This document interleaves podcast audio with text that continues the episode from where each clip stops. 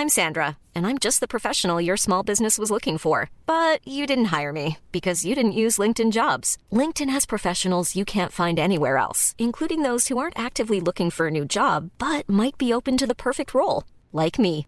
In a given month, over 70% of LinkedIn users don't visit other leading job sites. So if you're not looking on LinkedIn, you'll miss out on great candidates like Sandra. Start hiring professionals like a professional. Post your free job on linkedin.com/people today. Hey, it's Danny Pellegrino from Everything Iconic. Ready to upgrade your style game without blowing your budget? Check out Quince. They've got all the good stuff, shirts and polos, activewear and fine leather goods, all at 50 to 80% less than other high-end brands. And the best part? They're all about safe, ethical, and responsible manufacturing. Get that luxury vibe without the luxury price tag. Hit up quince.com slash upgrade for free shipping and 365 day returns on your next order. That's quince.com slash upgrade. This is Paige, the co-host of Giggly Squad, and I want to tell you about a company that I've been loving, Olive and June. Olive and June gives you everything that you need for a salon quality manicure in one box. And if you break it down, it really comes out to $2 a manicure, which is absolutely insane. It's also so easy to get salon worthy nails at home with Olive and June. The difference between how your nails used to look when you did them yourself and now with the Manny system is a complete game changer. The best thing about Olive and June too is it's a quick dry. Dries in about 1 minute, lasts for 5 days and full coverage in up to 1 to 2 coats. Visit oliveandjune.com slash perfectmanny20 for 20% off your first system. That's oliveandjune.com slash perfectmanny20 for 20% off your first system.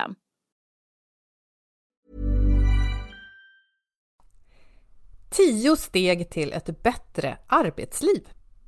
Det här är vårt 200 avsnitt. Det är eh, helt otroligt, eller inte, men eftersom avsnitten är så tidlösa så tänkte vi inte alls göra någon, någon typ av recap, eller hur Boel? Nej, jag ska bara säga hurra! Ja, hurra! Häftigt. Eh, För att, nej men som du säger, vi, vi låter det här avsnittet bli ett, eh, ett slags recap, ett komprimat, säger man så? Nej, koncentrat av allt det vi har pratat om, av allt det vi har, har lärt oss under 199 inspelade avsnitt. Vi har lärt oss från våra kloka gäster, från de samtal vi har haft, från allt vi har läst in oss på inför de här avsnitten och sånt som vi har vävt in i våra yrkesliv också, eh, inspirerat av den här podden. Nej, men du och jag, Ann-Sofie, vi har ju jobbat ett bra tag båda två. Och båda funderar ju ofta på sånt som får vardagen på jobbet att flyta på och vara skön istället för stressig, frustrerad och sur. Så därför ägnar vi det här avsnittet åt att dela med oss av våra absoluta favoriter av tips och insikter. Ja men precis, sånt som vi tycker är viktigt, sånt som vi har på plats men, men helt transparent kämpar på med om dagarna både på och eh, utanför jobbet och vi tänker att ja, men det här kanske är någonting som du som lyssnar kan ta till dig till din unika situation. Precis. Nu kör vi tycker jag.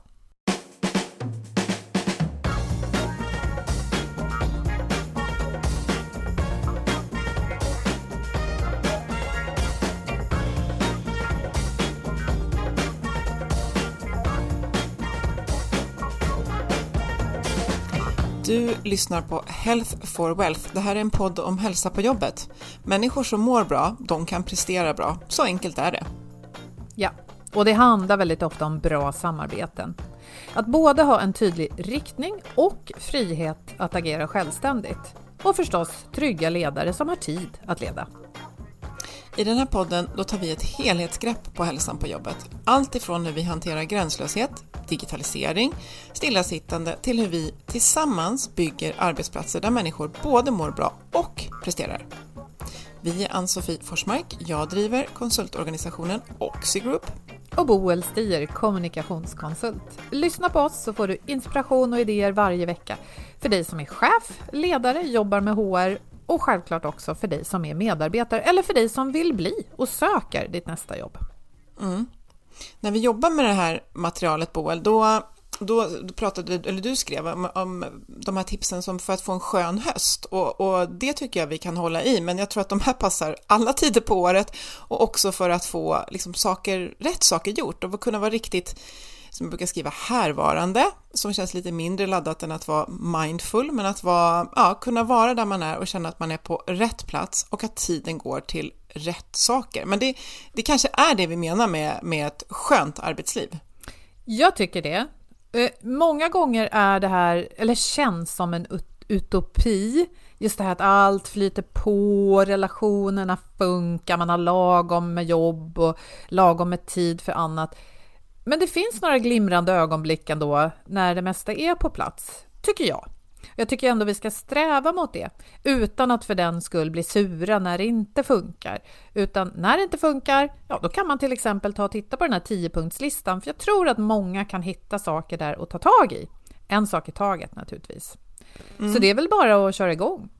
Ja, ja men precis. Jag, jag kommenterar just det. det en, eh, man ska inte låta för krass och säga att livet är tufft, men, men just att acceptera att för att få till någonting riktigt bra eh, så behöver man ofta kämpa lite, men man kan skapa rutiner och tricks för att få det lättare bli så. Det är väl det vi tänker lite att vi pratar om idag. Eh, Ja, men vi tar första punkten då. Jag börjar med den och eh, ja, men jag har beskrivit det som att ta i det som viskar så behöver det inte bli ett skrik. Eh, och det jag menar med det, det är ju både eh, just att kanske till exempel någonting som man är irriterad på hos en annan person, att eh, ju tidigare man kan ta i det, eh, desto liksom, mindre stor grej blir det. Men det handlar också om till exempel det känns väldigt aktuellt för mig just nu, om man har lite ont i kroppen någonstans, att när det börjar skava, jag tänker också på att om man känner att eh, hösten eller det man har planerat bara kommande vecka ser alldeles för mycket ut så, så är det oftast enklare att agera på det ju tidigare man gör det än att i liksom elfte timmen inse att dagen har kört ihop sig. Så att vad är det som liksom viskar till dig just nu som du kan agera ganska enkelt på? Hur känner du för den? Mm. Jag tycker den är bra. Jag är född optimist och eh, har varit tidsoptimist och är fortfarande sådär när jag skriver mina to-do-listor vill jag väldigt gärna klämma in lite för mycket varje dag, varje vecka. Jag vet om det. Eh, så jag får liksom brottas med det hela tiden och jag behöver då lyssna på det som viskar inom mig att Boel, mer än tre viktiga saker varje dag funkar inte. Håll dig till det. Så den, den mm. viskningen ska jag lyssna på. Mm. Mm. Jag relaterar. Mm. Punkt nummer två. Svara aldrig i affekt. Det är bättre att tänka ett varv till. Och jag tänker att det här handlar mycket om det här att våra hjärnor behöver de här mellanrummen i livet. Vi behöver tänka till, vi behöver tänka efter och när vi bara agerar väldigt snabbt, speciellt om vi är frustrerade eller sura eller, eller arga, då blir det ofta inte så bra. Eller vad säger du? Nej, men precis. Det, det, brukar ju, om man tänker tillbaka, så är ofta det man är på väg att... Eh, ibland får man ju så här, jag kom på en grej och så är det liksom eureka moment som man pratar om. Men, men just när det gäller att respondera på någonting man är irriterad på så är det sällan det man är på väg att säga först, det som man sen egentligen vill eh, säga. Jag köpte en eh, t-shirt till min man där det stod jag är ledsen för det jag sa när jag var hungrig. Alltså lite så. Eh, passa, jag, jag, skulle förmodligen behöva en sån själv också faktiskt. Ja, eh, men just att aldrig svara på till exempel mejl i affekt att liksom nu jäklar, alltså den känslan är sällan bra för att kommunicera vare sig i skrift eller tal. Eh, men också att eh, att ehm, några av oss har ju såna här hjärnor som är liksom som popcorn med idéer, men jag vet själv att när jag liksom lite grann tvingar mig själv att så här, nu är jag på väg att svara med det här, med en idé eller föreslå någonting, att låta det ta lite tid, eh, det här marinera eller vad man kallar det för, eh, så blir det ofta lite bättre. Sånt som är viktigt. Mm. Så att, ja. jag, håller med om det och jag tänker på den här Nobelpristagaren i ekonomi, Daniel Kahneman, som vi har nämnt i podden och kommer återkomma till. Han skrev en bok som heter Tänka snabbt och långsamt och där pratar han om system 1 och system 2. Att vi, ja, det här blir en utvikning förstås. Vi tror ofta i stunden att vår instinkt, vår intuition leder oss rätt. Intuitionen kan leda oss rätt om vi har väldigt mycket erfarenhet. Det kan den. Så vi ska mm. inte dissa den helt och hållet. Men om den kombineras med, som, du, som vi sa där, affekt och, och liksom negativa känslor, då är vi troligen på väg åt fel håll. Därför att när vi tar ett steg tillbaka och analyserar lite mer, tänker kallt, då, mm. kommer vi, eh, då presterar vi bättre och kommer fram. Och jag tänker, jag, apropå att, att ta i det som viskar, Eh, jag har lärt mig att ha en viskning som viskar till mig när jag är på väg, just som du säger, att, att svara i affekt i en negativ känslomässig eh, liksom, läge. Att vad är det jag är arg på nu egentligen? Vad är jag frustrerad på? Jag kanske är på väg att slänga en boll lite surt på någon. Eh, och då, om jag backar då och tänker, vad är det jag blir arg på här? Ibland kan jag ju landa i att nej men det är ju jag som behöver förklara för den här andra personen var jag står och vad jag ser. Och om jag kan förmedla det på ett trevligt sätt så kanske vi alla lär oss att bli bättre. Men om jag är mm. arg så hamnar den andra personen i försvar och då inleds en konflikt som var ganska onödig. Så att, ja, de där viskningarna behöver jag eh, lyssna till. Ja, men det är lite det att är man i ett tillstånd av liksom lugn och harmoni och det kommer en instinkt så, så kanske den är mer eh, vettig att gå på än att nu känner jag mig ur balans, jag har sovit dåligt, jag är irriterad och det kommer en instinkt att eh, jag ska äta godis till middag. Liksom. Då, då är det så här, ja visst det, det, gör inget om man gör det någon gång, men, men jag tror att man förstår just att vilket tillstånd är jag i när den här instinkten kommer till mig och att eh, är det här rätt tillstånd att agera på den här känslan eller ska jag tänka till? Jag tror att vi alla har sin, sin egen insikt kring det här, men att jag, jag vet själv att just jäklar vad bra det är när jag, när jag inte svarar på någonting när jag är irriterad, utan väntar tills jag lugnar ner mig, för svaret blir någonting som jag efter några timmar fortfarande oftast står för. Så. Mm. Mm, jättebra. Ja, och sen har vi den tredje då, den är egentligen väldigt övergripande och man kan prata om den länge, men just det här att acceptera att jag alltid måste prioritera min tid och min energi. Alltså det är, det är inte alls svårt att vara väldigt upptagen eh, och vara upptagen, alltså så kallat busy work eller bara upptagen med saker på en helg för den delen. Eh, men att för att verkligen ägna tiden och energin åt det som jag verkligen vill så behöver jag aktivt prioritera. Därför att eh, det är ofta så att det som vi egentligen behöver säga ja till och liksom försöka ägna tiden åt. Det kommer inte som en kalenderinbjudan på mejlen. Det kommer inte alltid som en fråga från vare sig mina barn eller mina kollegor, utan jag måste tänka till själv och liksom trycka på lite för att få det gjort. Ja, och rensa. Det här eh, uttrycket att eh, om du hela tiden bara agerar på det som kommer i din inbox så är du hela tiden styrd av andras agendor. Det stämmer ju. Klart att man ska mm. svara på mejl, men i sinom tid och i rätt mm. ordning beroende på mina prioriteringar. Och det kan ju vara mina personliga prioriteringar för att må bra. Det kan ju också handla om eh, mitt teams prioriteringar på jobbet. Vad har vi sagt ska vara viktigast? Men jag tänker också att det här att acceptera, som du säger, det ligger ju i det eh, begreppet att det kan vara svårt att, att man måste prioritera. Och det betyder också jag tror vi alla behöver träna på det här idag i vår gränslösa digitala tillvaro, att vi måste släppa väldigt många bollar hela tiden. Vi måste släppa saker som vi skulle vilja springa på. Vi skulle släppa saker som är viktiga, men kanske som andra ska ta hand om. Eller som jag själv ska göra, fast lite senare. Eh, jag tror att utan den förmågan så blir det tufft. Mm. Eh, och, och det här att planera för, för, vissa av oss kommer det naturligt och man sitter med sina listor och, och sådär. Bra. Då skulle jag säga att du som alltid sitter med dina listor, gör dem lite enklare så att man inte fastnar i att skriva väldigt detaljerade listor eller potentiellt för långa. Och för den som känner att du kanske är lite svag på att planera, gör det ändå. För att det är det som ger det här lugnet. Och jag tänker mm. att det är bra att bestämma ett intervall inför varje dag på morgonen. Ta en titt på vad är viktigast idag? Det kanske går att mm. lyfta ur en enda sak och då blir det så här cleant och skönt. Allt annat som dyker upp, nej, det här är det viktigaste. Det kanske passar att göra även för varje vecka och kanske för varje halvår. Så man kan mm. inte ha en jättedetaljerad plan för varje dag, varje timme, varje vecka, varje halvår, varje år, tio år framåt. Det är, som, det är ett slags lagom vi behöver det. Mm. Ja, men och, tillbaka till den här metaforen med bollarna så är det ju så att om jag lite naivt tänker att ja, men jag försöker hålla så alla de här i luften så är det ju ofta så att då, då tappar man allihop istället för att liksom eh, landa några tre riktigt bra. Och det finns ju någon så här eh, eh, Magic Rule of Three, vad är liksom de tre viktigaste sakerna jag vill uppnå kanske under hösten? Vad blir då, eh, vad behöver jag då åstadkomma kanske inom tre månader? Vad är det tre viktigaste den här veckan och tre viktigaste idag. Och att eh, om man tycker det är jobbigt att planera, precis som med allt annat, så övning ger färdighet. Om man hittar sitt sätt. Och jag minns så väl när vi hade David Stjernholm struktör med i podden och jag nästan skämdes lite för mina listor som jag skriver och så frågade han så här, ja men för han tipsar ju om så digitala verktyg och så sa han, funkar det för dig? Ja, ja, fortsätt då.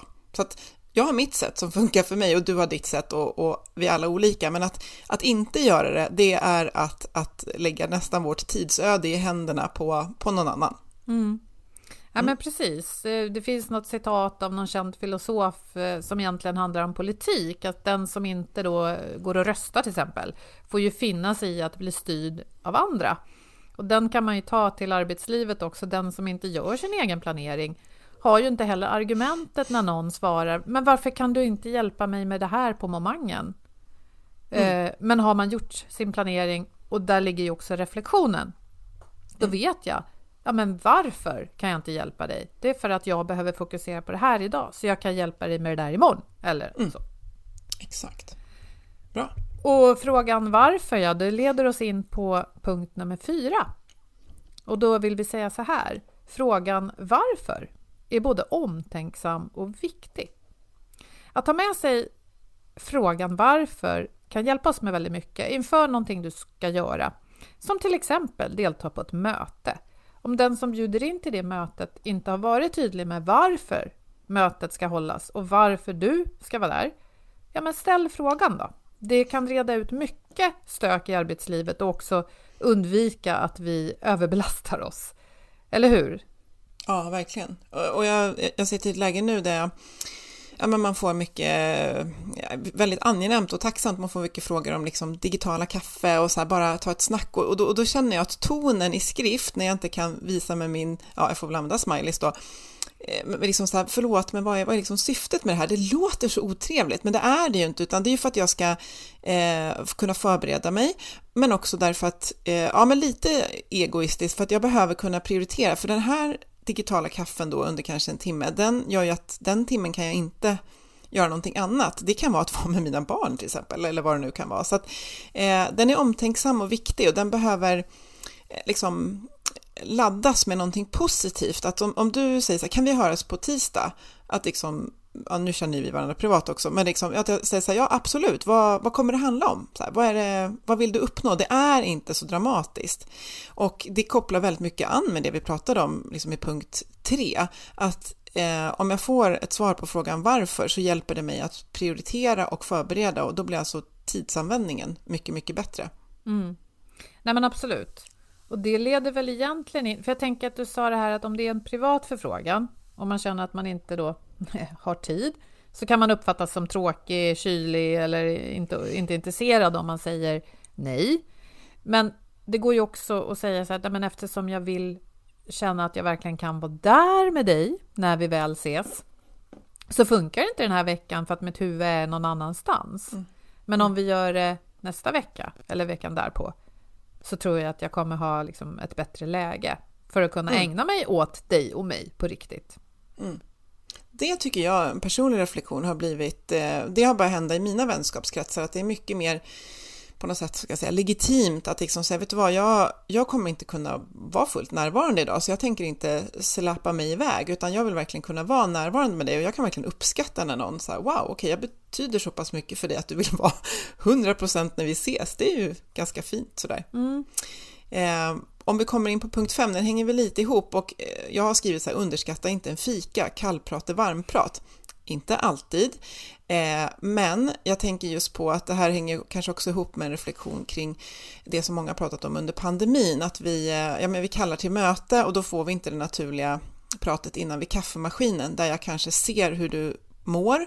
Vi kanske kommer på någonting tillsammans som är jättebra som vi inte hade med på agendan på mötet. Eh, men att ja, det kanske känns jobbigt att om kalendern redan är full så ska jag dessutom boka in massa fikapauser, men det är mer ansatsen att fundera på att eh, okej, okay, med de människorna som jag jobbar med, har det funnits ett tillfälle när vi liksom har det här fika pratet, man ska säga. För att det gör att om vi har ett litet fikaprat du och jag och sen måste jag ta upp någonting jobbigt med dig, jobbrelaterat, det är liksom mycket lättare att göra det då när vi har pratat lite grann, eh, så att säga kall-varm-pratat med varandra. Hur, hur, tänker du kring det? Mm, nej men jag håller med. Det, kallprat kan absolut vara varmprat. Eh, vi, för det du beskrev nu var ju det här övergången från det vi då hade förut, vi snackade mer i korridorerna, till det vi oftare gör nu, vi ses digitalt. Eh, digitala möten blir av naturliga skäl mer effektiva effektivitetsinriktade. Och det kan vara bra på ett sätt, för vi blir trötta av allt för långa digitala möten, men vi tappar det här där vi bara bondar. Och lite mm. som du beskrev, det här bondandet. Alltså, det kanske inte är så att jag tänker att jag är jätteintresserad just nu av den och den kollegan gjorde i helgen. Men det är ju den här liksom buffrandet av att vi är någon slags sociala varelser som gör sen, som du sa, att, att det funkar bättre att ta upp något svårt, att det funkar bättre att dela med sig av utmaningar och problem, att vi förstår varandra bättre, så vi behöver det. Sen kan det vara rätt svårt att få ihop det på ett bra som funkar. Jag tror även innan pandemin och innan alla digitala möten så har vi varit olika intresserade av att bara ha en fikaträff. Några har nog alltid känt att herregud, kan inte jag bara få jobba klart så jag får gå hem? Mm. Medan andra känner, åh, det här är liksom höjdpunkten på dagen. Mm. Så det där tycker jag är upp till varje arbetsgrupp och varje arbetsplats att hitta formerna för. Men mm. vi kan inte helt eh, ta bort dem, för då är vi inte längre ett gäng och det behöver vi vara om vi ska kunna samarbeta. Nej men precis, det är lite som att det, det, det rullar ut, eh, det spolar rören för att sen kunna liksom prata om jobbsaker. Jag tänker väldigt mycket fokus på att man ska ha ett psykologiskt trygghetsklimat. Det kan man inte bara hoppa in i det djupa och börja jobba med, utan det, en del i det är ju att liksom mötas och se varandra som människor.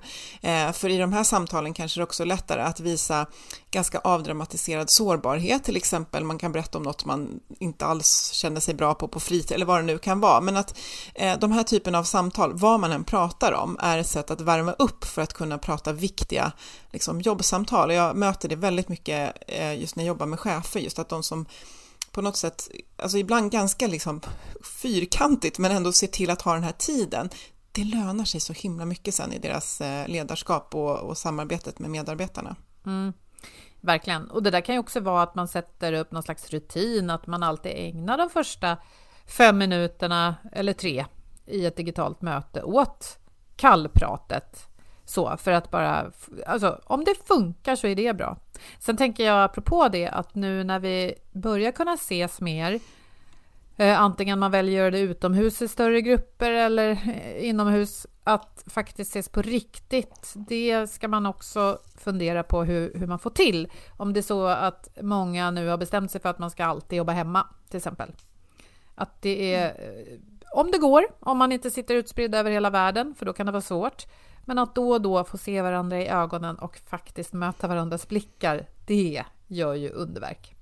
Ja, ja verkligen. Jag håller med. Mm.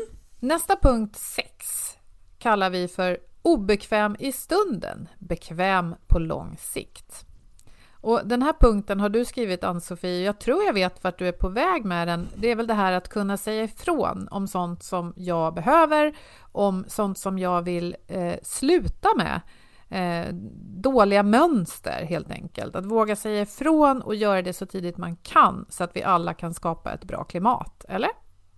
Ja, det också och eh, det är ju lite tillbaka till eh, Kahneman och system 1 och system 2-hjärnan att, att ofta så är det ju så här, det som får oss att må bra på lång sikt, eh, både, alltså det som får oss att prestera bra på lång sikt, det är ju sällan det som är mest attraktivt att göra i stunden. Jag tänker själv på liksom att hatta mellan LinkedIn och mejlen, men jag egentligen borde sitta och skriva fokuserat i ett dokument. Det är så här, jag behöver vara lite obekväm i stunden för på lång sikt kommer det bli bekvämt. Eh, jag vet själv att efter en dag när jag har varit för stilla så blir inte jag eh, nödvändigtvis automatiskt sugen på att röra på mig trots att jag älskar det, utan snarare blir jag mer sugen på att vara mer stilla. Så jag behöver göra mig lite obekväm i stunden genom att ta mig ut genom dörren och sen så blir det väldigt bekvämt på lång sikt. Eh, alltså det, det, är så mycket i det här som är så lite obekväm nu, till exempel våga ta upp någonting jobbigt i ett möte för att det blir bättre på lång sikt. Och så här tänker jag att om man accepterar att så här kan det vara, att ofta behöver man vara lite obekväm i stunden för att få någonting som blir bekvämare på lång sikt, så, så tror jag att det, det, det, för, eller det gör det mycket lättare i livet att förstå, just det, nu blir det lite obekvämt och det blir bättre på lång sikt. Och hjärnan är ju inte så bra på det här. Vi behöver hjälpa den med att tänka så här, men om jag gör det här nu, vad kommer det leda till då? Liksom på lång sikt. Ja, och symboliken där med liksom, jag är lite sugen på något klockan tre, jag kan ta en kanelbulle och ibland så ska jag absolut ta den här kanelbullen, men om jag alltid mm. gör det kanske det inte är så smart, utan bättre ta en, en schysst macka först och sen se om jag verkligen var sugen på den där kanelbullen. Nej, men alltså, Ja. Mm. Och då tänker jag mycket på det här att städa i sin digitala arbetsmiljö. Framförallt stänga av notiser. Mm. Eh, så att det inte plingar och plångar hela tiden. Stänga av notiser på mejlen och på olika meddelandesystem så att du kan få fokusera och jobba i lugn och ro. Och sen kan man kolla alla kanaler där det plingar och plångar. Mm. Och att det här liksom, eh, det låter ju hemskt, men liksom om man tittar på världen och bara om jag tittar omkring mig, eh, om jag går i en mataffär eller om jag öppnar min telefon så är det ofta så här, inte citationstecken, osunda beteenden som är lättare att ta till. Det är lättare att hamna i att scrolla sociala medier än att läsa en lång, lång nyhetsartikel. Det är lättare i affären att köpa någonting som är onyttigt som jag kan äta snabbt än att liksom samla ihop nyttiga råvaror och gå hem, alltså så. Så att vi behöver förstå att så här, ja men, ja, jag kommer till en rulltrappa, det är en trappa bredvid, det är lättare. Så rulltrappan, alltså lite exempel, men jag tror att liksom, hoppas att budskapet går hem, att förstå att så här ser världen ut eh, och att vara lite obekväm. Grejen är att det är samma här, ju mer man vänjer sig vid att vara i det här obekväma så blir det mindre och mindre obekvämt eh, och, och lättare, för det börjar sätta sig som vanor i hjärnan. Men jag tror att den här eh, tankegrejen med att vara lite, vad är det jag behöver vara lite obekväm nu som på längre sikt gör mig bekväm. Jag tror att det sträcker sig både på arbetslivet och, och utanför. Mm. Som så mycket annat är det ganska gränslöst numera. Ja, men jag håller med, när man väl har satt den där bra vanan som man vet gynnar en, då kan man istället börja längta till den sköna känslan man får av det nya beteendet. Ja, men som jag för några år sedan bestämde mig, när det var lite trendigt sådär på ett bra sätt, att eh, lägga mobilen utanför sovrummet, att ladda den i ett annat rum. Och först tyckte jag det var lite jobbigt för jag brukade, liksom lä jag brukade läsa grejer på den. Så här, nyhetsartiklar, sånt som jag egentligen tyckte var värdefullt och intressant. Men nu njuter jag av den här känslan av att när jag går in i mitt sovrum så är jag liksom i fred från allt det som kan locka och dra i mig. Och så väljer jag en bok eller ett korsord eller vad det nu är. Liksom. Mm. Och då längtar jag efter det istället. Precis som att du kanske Även om du inte känner för att gå ut i skogen i slutet av dagen när du haft en liksom, hektisk jobbdag så har du någonstans det här minnet av hur skönt mm. det är och då hjälper ju det dig att komma iväg. Mm. Och just då, och om det, eh, någon behöver tröst här så är det så att det, de här vanorna, eh, de sätter sig. Nu är ju ut i skogen-grejen, den tar ju tid, alltså den tar ju då ett visst antal minuter. Men jag tänker det här du och jag båda har, att sovrummet är fritt från, det är ju egentligen inget, det tar inte mer tid. Nej, alltså, nej. Det kan man trösta sig med. Det är en förändring i beteende, men det tar inte mer tid. Men jag måste liksom eh, tänka till. Eh, och, så. och sen så bör man uppskatta, uppskatta det nya. Mm. Punkt 7, ja men det är jag, just det. Eh, vi, vi, tar ju varannan här. Eh, ja, men precis, och det här är din punkt, den här tycker jag är, är, jättebra. Och det här kommer in på att avlasta hjärnan, att man väljer vad man lägger tid på. Då tänker jag, jag tolkar det som att man lägger liksom medveten tid på och vad man försöker att automatisera så man inte behöver tänka så mycket på det. Till exempel kläder, eh, lunchvanor, kanske också liksom pauser och sen så tider när man ska motionera. Exakt. För eh, vi vet ju att många brottas med det här att man vill röra på sig lite mer, men att det inte kommer automatiskt. Och då kan man istället automatisera tiden, schemat, så att det inte blir en massa huvudbry varje gång man ska sätta igång. För om jag då tänker så här, ja men idag skulle jag vilja eh, ja, promenera eller gymma eller vad det nu är på lunchen. Och så närmar sig lunchen och så äter man och säger så här, nej jag vill bara sitta här i solskenet och njuta. Ja, ja, men för att man ska kunna komma dit, lägg fram kläderna, eh, boka tid på gymmet med en annan person. Alltså gör det så att det automatiseras. Du behöver inte tänka på det. Du behöver inte hamna i läget där du ska fundera på hm, ska jag verkligen eller ska jag inte? Det är redan bestämt. Mm. Och samma sak då med, med mat. Att, ja, men, det kan ju vara att man gör en matschema Eh, till exempel. Eh, men att det inte ska vara det här, men jag tar, jag gräver lite i den här chipspåsen nu och så hann jag inte riktigt göra någon riktig lunch utan jag har ändå tänkt att det ska vara den här broccolin och pastaresten från igår och det blir jättebra. Och då, är, då äter mm. jag den. Jag ska inte stå mm. där i kylskåpet och fundera på om jag ska ta något annat. För allt det här tar ju tid från våra hjärnor. Och om vi frigör tid från de här sakerna som inte ska liksom det är inte det som liksom tar oss framåt. Det är någon slags hygienfaktorer, även vad vi ska ha på oss. Liksom. Ja. Eh, om vi avlastar oss själva på det sättet, ja, men då får vi ju mer tid att vara kreativa och kunna reflektera kring det vi tycker är viktigt mm. på jobbet, eh, men även i privatlivet förstås. Nej men precis, om man kunde, vilket jag har sagt någon gång tror jag, man kommer säkert kunna illustrera, så här, just nu håller du på att använda upp 10% av din eh, kognitiva kapacitet idag till att besluta om och var du ska motionera och vad du ska äta. Är du okej okay med det Boel? Alltså, vi, vi litar på att de här besluten, de har jag fattat när jag var tillbaka till det här system 1 och system 2, när jag verkligen tänkte, jag kan lita på att beslutet om att jag ska träna eh, och byta om, det är redan fattat och jag har ägnat liksom, om jag ägnar tid åt det, sätter det i system, så kan jag bara, jag kan bara lita på att, igen då, jag behöver vara lite obekväm nu, men jag litar på att beslutet är fattat. Jag ägnar lite tid åt att strukturera upp det här eh, så att jag inte behöver, så att om du säger, ah, jag skulle vilja promenera idag, när ska jag gå, var ska jag gå, med vem ska jag gå? Det är redan planerat. Och grejen är att det kan låta fyrkantigt, men det här frigör ju istället både tid och energi till att vara alltså hitta på grejer. Så att just de här grejerna som vi vill ske ska ske automatiskt. Alltså jag är inte okej okay med att lägga massa tid på att fundera på vad jag ska på mig eller vad jag ska äta till lunch eller hur jag ska motionera idag för att jag vill ha min begränsade hjärnkapacitet till andra saker. Så de här grejerna, de bygger jag vanor av och automatiserar och jag, jag verkligen diggar det här, verkligen. Och alla har ju olika saker som man vill automatisera. Nej men precis, jag menar du kanske som lyssnar kanske har jättestor glädje av att stå en tio minuter framför garderoben varje dag och verkligen välja någon jättecool outfit och att dina kollegor säger wow när du kliver in på det digitala mötet. Då kanske du ska fortsätta med det. Men, men jag har i alla fall valt att ha en så här lite småtråkig liksom basgarderob av grejer som jag vet. Jag har eh, så här fem av varje, så här topp och brallor och de mixar jag och de finns där så länge jag ser till att tvätta varje vecka och då behöver jag inte tänka så mycket. Och det, det hjälper mig i alla fall. Mm, jag är helt med dig. Och vi, alltså Barack Obama gjorde ju så eller någon, jag gissar att han hade någon som fixade kläder åt honom. Jag skulle tro det. ja, precis. Men vi som inte har det, vi, vi, ja precis. Och är kläder ett intresse, precis som du säger, ägna tid åt det. Är det inte det, keep it simple. Exakt, keep it simple är väldigt bra. Och ja. det, här med, det här med att automatisera till exempel träning och rörelse, det leder oss in på nästa punkt 8. Att röra på sig då och då. Låter så enkelt, svårare att få till. Och då tänker jag att eh, jag kan dela med mig av hur jag har gjort nu i det digitala hemmajobbandet. Jag har sett till, vi har ett morgonmöte, hela företaget, för vi är inte så många, eh, klockan 8 till 8.15 varje dag. Och då är jag alltid utomhus. Det bara är så. Även om det ösregnar, då vet jag att jag har en regnjacka med huva. Funkar jättebra. Jag har gummistövlar också.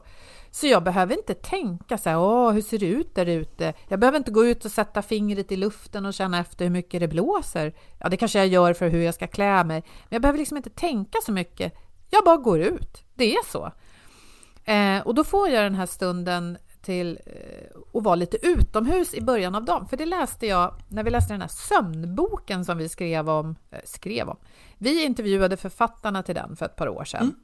Och jag kunde vissa saker om sömn innan, eh, men det jag lärde mig där var att för att de här, jag tror det är melatoninnivåerna, eh, ett hormon alltså, som får mm. oss, hjälper oss att somna in. För att den här klockan klockan ska funka så att, så att de här nivåerna faktiskt höjs på kvällen när vi ska somna så hjälper det jättemycket om vi liksom har hjälpt hjärnan att sätta igång så här, nu är det morgon. Mm. Att man någon gång på förmiddagen helst går ut och får lite dagsljus på sig. Och det gör mm. ingenting om det är vinter och mörkt, men alltså dagsljus är dagsljus. Så då tänker jag att jag sätter igång min klocka varje morgon genom att göra det här. Sen vill jag gärna promenera lite på, på lunchen också. Men eftersom jag inte har satt någon exakt så system för det så händer det inte alltid, men ofta. Mm. Och sen det här med liksom rörelsepauser under dagen, jag kämpar lite med det. Det funkar ibland. Eh, hur gör du för att få till dem? Ja, men jag, jag har någon inbyggd liksom, myra i rumpan för att jag kan inte sitta still. Alltså jag är uppe och, och rör mig hela tiden. Jag kollade det där liksom någon gång och eh, ja, men jag, jag kan inte sitta still. Alltså det går inte, och det här, det kunde inte jag i skolan heller, men jag tvingades. Så att jag är uppe hela tiden eh, och rör på mig, så att det blir automatiskt. Och sen så har jag också, och det här har också lite just med det här att göra, att jag eh, började ju liksom i vintras då, att jag går upp och så jobbar jag tidigt och sen när det blir dagsljus, då går jag ut. Och kan man inte komma ut på morgonen, det funkar också att försöka få någon typ av ljuskälla i ansiktet. Eh, det finns ju både mer eller mindre avancerade lampor, men jag, jag, jag strävar också efter den där ljuskicken som du beskriver. Så att jag brukar försöka, när barnen börjar skolan, eh, 8-10, då är jag eh, ute i skogen och, och, rör på mig. Och folk säger, ah, du tränar, ah, det, det tycker jag, det är lite att ta i och beskriva ansatsen. Men jag är ute och rör på mig ungefär 30 minuter då. Och sen så försöker jag ta möten gåendes på telefon på eftermiddagen. Så att jag, jag strävar efter att få upp mina steg. Men just det där att komma ut på morgonen, röra sig lite, eh, ja det blir typ var, minst var 30 minut för mig. Och sen eh, träningen utöver det. Men det här är liksom basen, det som du beskriver också. Mm. Vad coolt, jag önskar att jag var sådär. Jag har också svårt att sitta still, och, men jag liksom smälter ner i arbetsuppgifter. Och då blir jag sittande ja. timmar i rad för att det är ja, ofta kul eller så är det bara mm. en känsla av att nu måste jag bli klar eller någonstans däremellan. Och då kan jag inse så här, gud vad ont i rumpan. Jag har inte mm. ställt mig upp på två timmar. Och hur löser jag det då? Ja, men några av mina kollegor har ett sånt här, eh, en, en, eh, en app i datorn eller telefonen som liksom plingar med jämna mellanrum så här, nu ska du ställa dig upp och bara sträcka på dig. Och det funkar för vissa. För mig funkar det inte för jag blir liksom störd av det. Jag vill, jag vill ändå bestämma när jag reser mig. Och då gjorde min dotter en så himla fin grej. Hon ritade bara på ett papper som en bild av måndag, tisdag, onsdag, torsdag, fredag. Eh, mm. det, kan, det skulle kunna vara en cirkel eller en fyrkant eller vad som helst med, ja, men typ så här sju, åtta rutor i varje. Hon har gjort varje sån här bild väldigt fint. En är som en liten kossa och en är som ett moln. Men man kan bara göra en cirkel för varje dag. Och bara se till att det finns ett par rutor att kryssa i. För då är det så att varje gång jag bara ställer mig upp och sträcker på mig eller liksom eh, stretchar, liksom, eh, stretchar ut bröstet, någon liten sån här rörelsegrej, då får jag kryssa i ett kryss där. Så att när det passar mig under arbetsdagen så ser jag den här lappen, den ligger bredvid mig på eh, på skrivbordet så ser jag så här, oj, jag har inte rört på mig på ett tag. Jag ville kryssa i den här rutan. Mm. Och det funkar för mig, det är lite så här eh, gamification. Gamification, mm. precis. Att jag, ja. jag, jag får ju en belöningskänsla när jag kryssar i en ruta till. Ja, så att, helt rätt. Ja, så det funkar för mig. Det finns många sätt, men just att se till att inte bara, som jag då ibland gör, smälta in i jobbet och sitta som en ostbåge framför datorn.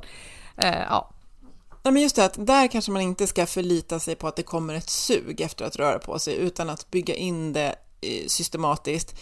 Lite obekväm i stunden och sen liksom få, och jag menar, det finns så mycket forskning bakom, vi har ju poddat om det här också med forskning från GH och annat, så att sätt det i system så att säga. Mm. Mm. Punkt nummer nio och eh, ja, när det känns som att ja, det är så mycket att göra och ja, det är bara jag som kan fixa det här. Eh, det här har du formulerat, jag får så här, eh, jag kan, jag kan känna igen, jag blir nästan lite offerkofta ibland när jag hamnar i det här. Ja, men det är bara jag som kan fixa, ja, det är så mycket. Då ska man be om hjälp, eller man ska be om tidsfrist, eller vädra med någon. För att vara ensam är för mycket att göra, det är i längden sämsta möjliga. Ja, för alla på jobbet, inte bara dig själv. Ja, men precis. Så det där kommer från reflektion från mig för att jag eh, ofta hamnar i den här offerkofta-fällan eh, och behöver jobba med det. Att nej, det är inte bara jag. I det där finns ju både en slags överskattning av en själv, typ att jag är viktigast av allt och att allt skulle falla ihop utan mig. Så är det ju inte. Så är det ju inte. Någonstans får man ju zooma ut lite och tänka att ja, nej men om jag bröt benet eller hamnade i koma imorgon skulle antagligen det företag jag jobbar på ändå fortsätta på något sätt. Eh, den där liksom distanseringen kan hjälpa en att fatta mm. att okej, okay, jag måste hålla i längden. Mm. Och jag måste se till att jag inte är för ensam med grejer. Och känner man då, jag menar, man kan vara chef, man kan vara, man kan vara ägare av ett företag och, och då är det ju ibland så att det är saker du måste göra själv. Men i längden måste du ju ha någon att vädra med, att delegera till, att kunna diskutera. Jag sitter fast med det här själv. Jag kanske måste ro det i land den här veckan, men hur gör vi nästa? För det håller inte. Nej. Det liksom. Ja men precis, och det är både, hör jag dig beskriva, att det är när det är för mycket att göra, eh, att just att jag behöver tidsfrist och att det här kommer inte hålla, men sen också att eh, om man håller på med någonting, det här har jag märkt själv som nu verkligen har möjligheten med, med Oxigroup, att bolla med saker med folk väldigt tidigt. När jag gör det tidigt så blir det mycket lättare än när jag liksom i elfte timmen, nu vore det bra om någon annan tittade på det här. Och då är det väldigt mycket att förklara, liksom så. Men, men jag tror att det, är så här, det händer någonting i hjärnan att man hamnar där. Ju mer stressad man är så blir det så hamnar man i det här, men det här, det är bara jag som kan fixa det här. Och som du säger, om du skulle, liksom av någon anledning, ja, mobilen och datorn kraschar och du behöver göra någonting annat, det kommer lösa sig. Så här det kommer lösa sig. Så den, den tror, jag tror att den, där, den tar jag verkligen med mig. Den reflektionen är väldigt bra att göra regelbundet. Att nu är jag på väg att hamna där. Att det känns som att det är bara jag som mm. kan fixa det här. För så är det inte riktigt. Nej, och om det på riktigt är så, så behöver det förändras. Ja, exakt. Precis. Faktiskt. Och apropå reflektion så kommer vi ju då in på punkt nummer 10 Mm. Konstruktiv reflektion, det kan ju låta lite abstrakt, men det här är ju någonting som vi har nämnt och pratat om i podden många gånger, att det här mm. är något vi behöver för att se var man är, vart man kommit, vad man gjort och kunna fundera på vad man ska. Och det handlar ju återigen om att ge hjärnan möjlighet att vara utan en massa stimuli, utan en massa intryck, utan att vara kapad av andras agendor, att ha lite tid på att fundera. Vad är det vi är på väg nu? Jag eller vi? Beroende på vilket perspektiv man vill ta. Mm. Och hur kan vi se till att komma framåt på bästa sätt tillsammans då, om man är flera. Och, och det här med reflektion, hur viktigt det är för att vi ska fatta bra beslut. För vi fattar alla en massa beslut varje dag oavsett mm. om vi har en chefsroll eller inte. Flera tusen. Mm. Mm. Och de besluten fattar inte vi på ett bra sätt om vi är då nej men, hungriga, sura, frustrerade, ensamma, inte har rört på oss på ungefär hundra år. Så att eh, den här reflektionen, det är en abstrakt sak men samtidigt väldigt konkret och för att den är det ska den in i kalendern.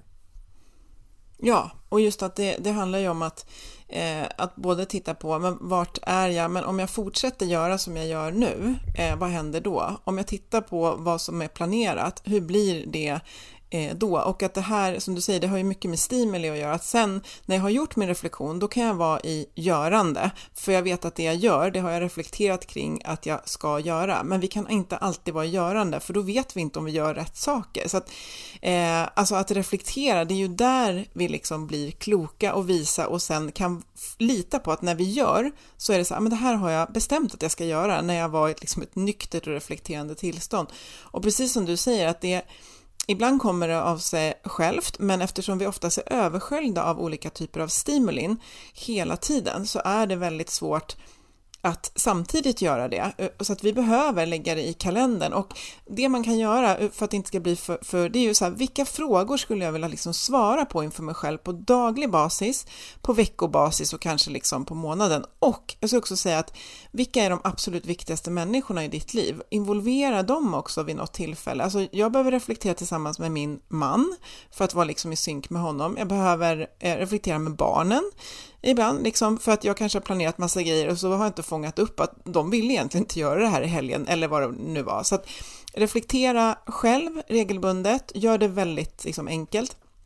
Men just att inte samtidigt som du lyssnar på podd, inte samtidigt som du har datorn uppe, utan ja, diska, dammsuga funkar kanske, duscha, eh, gå i skogen, vad det nu är. Men försök att minska intrycken och liksom, ja, men lyssna inåt faktiskt. Och vilka frågor skulle du vilja att du kan svara på som hjälper dig se till att du ägnar tid och energi åt rätt saker? Och alltså det här är nog efter mina liksom 20 år och jobbat med det jag gör, det är nog liksom så här, vad är ditt bästa tips? Ja, ta tid för reflektion.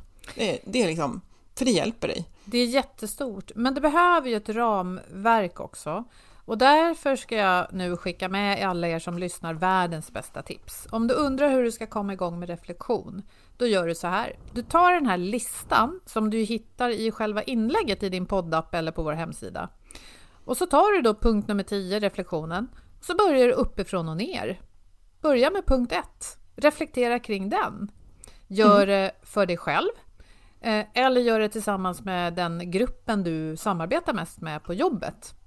Och så tar du en punkt i taget. Sätt av kanske en timme i veckan för det, eller en halvtimme, där ni tar en sån här fråga i taget och tar eh, ett samtal.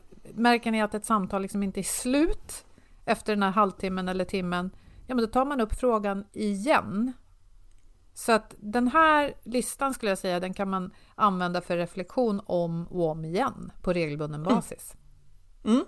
Jag gjorde det här tillsammans med Kristina som jag har grundat Oxy med och jag kan låna ut en fråga som, som vi använde eh, som var så här, vad, vad lägger vi potentiell tid på som ingen märker om vi slutar göra och väldigt viktigt, som inte vi själva skulle märka om vi slutade göra. Som tur var så hittar vi inte så mycket för vi har jobbat hårt med det, men, men den var rätt intressant. Vad gör vi som liksom är ja, det här gör vi men ingen antingen vet om det eller skulle spela. Alltså vi, vi, gjorde, vi la tid på det här tillsammans för det var kanske den viktigaste stunden som vi gjorde inför den här hösten liksom, för att kunna jobba bra tillsammans och, och vara hållbara. Så att, ja, men det där tyckte jag var jättebra det du sa nu, just att ta de här frågorna och låt dem ha sin plats och ta dem i, i, i lugn och ro. Mm.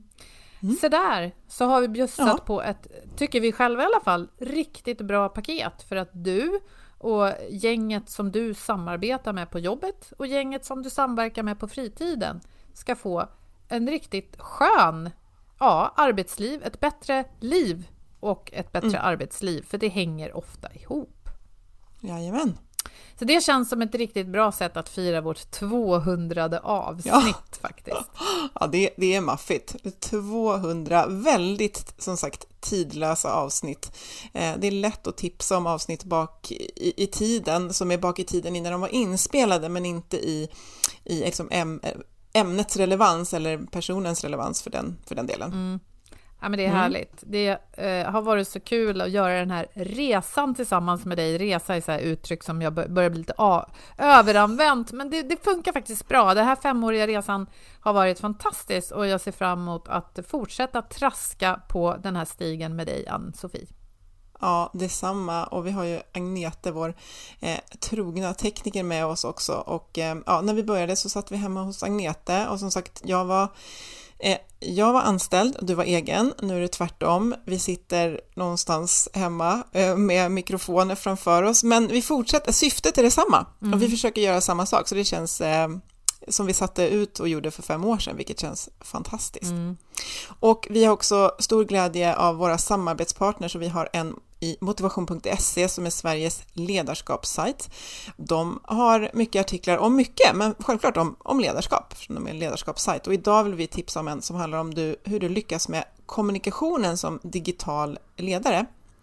Många chefer brottas just med att kommunikationen i det här nya liksom, digitala eller hybridlandskapet där allt fler jobbar eh, och bara ses digitalt. Så att, ja, vi önskar trevlig läsning där och länkar till det från det här avsnittet eh, på vår hemsida.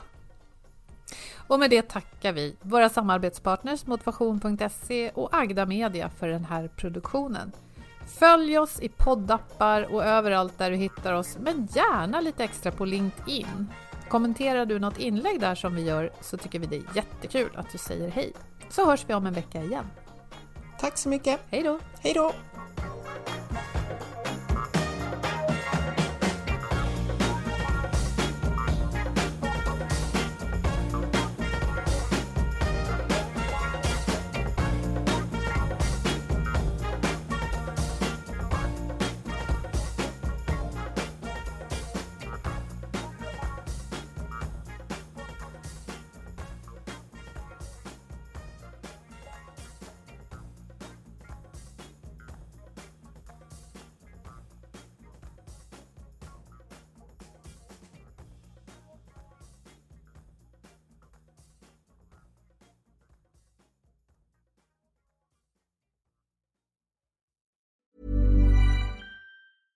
Hey, it's Paige DeSorbo from Giggly Squad. High quality fashion without the price tag. Say hello to Quince.